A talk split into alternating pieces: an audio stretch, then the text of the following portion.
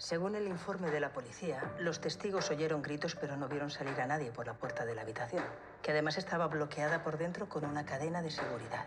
Especularon sobre cualquier manera de salir de allí sin ser visto y no encontraron ninguna. Así que según su versión, el asesino de su amante se evaporó. En su declaración en Laguna, señor Doria. He dicho la verdad. Tenemos 180 minutos para volver.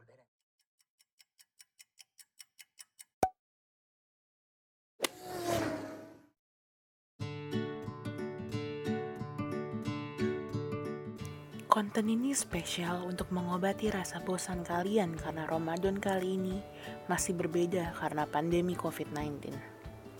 Banyak yang tidak bisa pulang ke kampung halaman, banyak juga yang terpaksa berdiam di rumah dan melewatkan kebiasaan setiap tahun, yaitu ngabuburit. Namun tenang saja, Gotral kali ini kembali dan membawakan konten baru yang akan selalu menemani setiap hari setiap jam 3 sore di YouTube ataupun Spotify kami, golongan netral. Ngabubutral berangkum film-film terbaik pilihan tim Gotral untuk menemani waktu-waktu ngabuburit para Gotral. Kami harap konten ini akan menghibur dan juga membantu kalian di masa sulit ini dalam mengobati rasa jenuh kalian selama di rumah aja.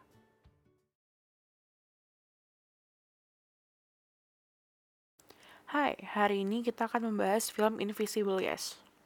Baik, kita akan membahas sedikit tentu saja karena kalian harus nonton filmnya untuk tahu selengkapnya. Baik, untuk itu kita akan mulai langsung ke alurnya. Seorang pengusaha kaya pemilik perusahaan Global Tech, Adrian Doria, sedang berada di puncak karirnya dan telah memiliki keluarga kecil.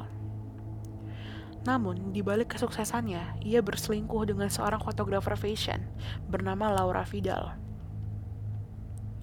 Saat itu, Adrian dan Laura sedang berlibur di suatu daerah terpencil. Setelah menghabiskan beberapa hari bersama, Adrian pun memutuskan untuk pulang. Namun dalam perjalanan pulang, terjadi sebuah insiden yang menewaskan seorang pemuda. Adrian dan Laura pun melakukan berbagai cara untuk menghilangkan bukti-bukti. Di samping, Adrian sedang bertugas untuk menghilangkan jasad pemuda tersebut. Laura yang masih berada di TKP pun tidak sengaja bertemu dengan ayah dari pemuda itu. Seiring berjalannya waktu, beredar berita tentang hilangnya pemuda tersebut. Adrian dan Laura pun mendapat pesan dan telepon ancaman untuk pergi ke sebuah hotel yang jaraknya cukup jauh dari kota. Namun, Adrian mendapat masalah besar. Ia diduga sebagai pembunuh. Dikarenakan Laura ditemukan tewas terbunuh di kamar hotel tersebut dengan kondisi pintu kamar dan jendela yang tertutup rapat. Adrian yang mengaku tidak bersalah pun segera meminta bantuan kepada pengacaranya, Felix Levia. Oleh Felix, Adrian diperkenalkan oleh pengacara handal yang memiliki spesialisasi di bidang witness preparation dan judicial declaration, yaitu Virginia Goodman. Virginia datang ke apartemen Adrian tiga jam lebih awal dalam rangka mempersiapkan persidangan dan harus menganalisa serta menyiapkan skenario terbaik di persidangan. Virginia memaksa Adrian untuk menceritakan secara detail mengenai kejadian di hotel yang menewaskan Laura namun, Virginia terus merasakan kegejanggalan dalam cerita Adrian. Di samping itu, tanpa disadari oleh Adrian, ayah pemuda tersebut, Thomas Garrido, berupaya keras menemukan keadilan untuk putranya. Karena jika ia mengandalkan polisi, Thomas akan menemukan jalan buntu. Ia juga yakin bahwa Adrian dan Laura memiliki keterkaitan atas hilangnya sang anak. Film ini menyuguhkan berbagai macam spekulasi yang akan muncul pada saat pemain menceritakan narasinya. Kejutan dalam film ini pun cukup banyak, maka dari itu kami menyarankan kalian untuk menonton film ini. Kalau begitu siapa ya pembunuh Laura? Kalian akan tahu sendiri jawabannya setelah nonton filmnya.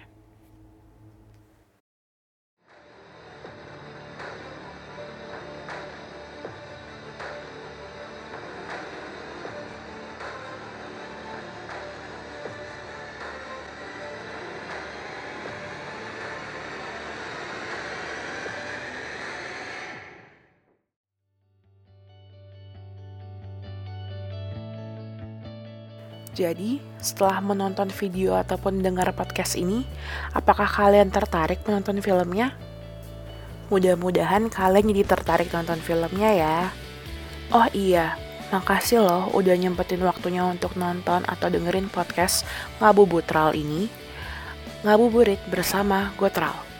Makasih ya sekali lagi dari kami, tim Gotral, untuk para Gotral. Sampai jumpa di episode selanjutnya.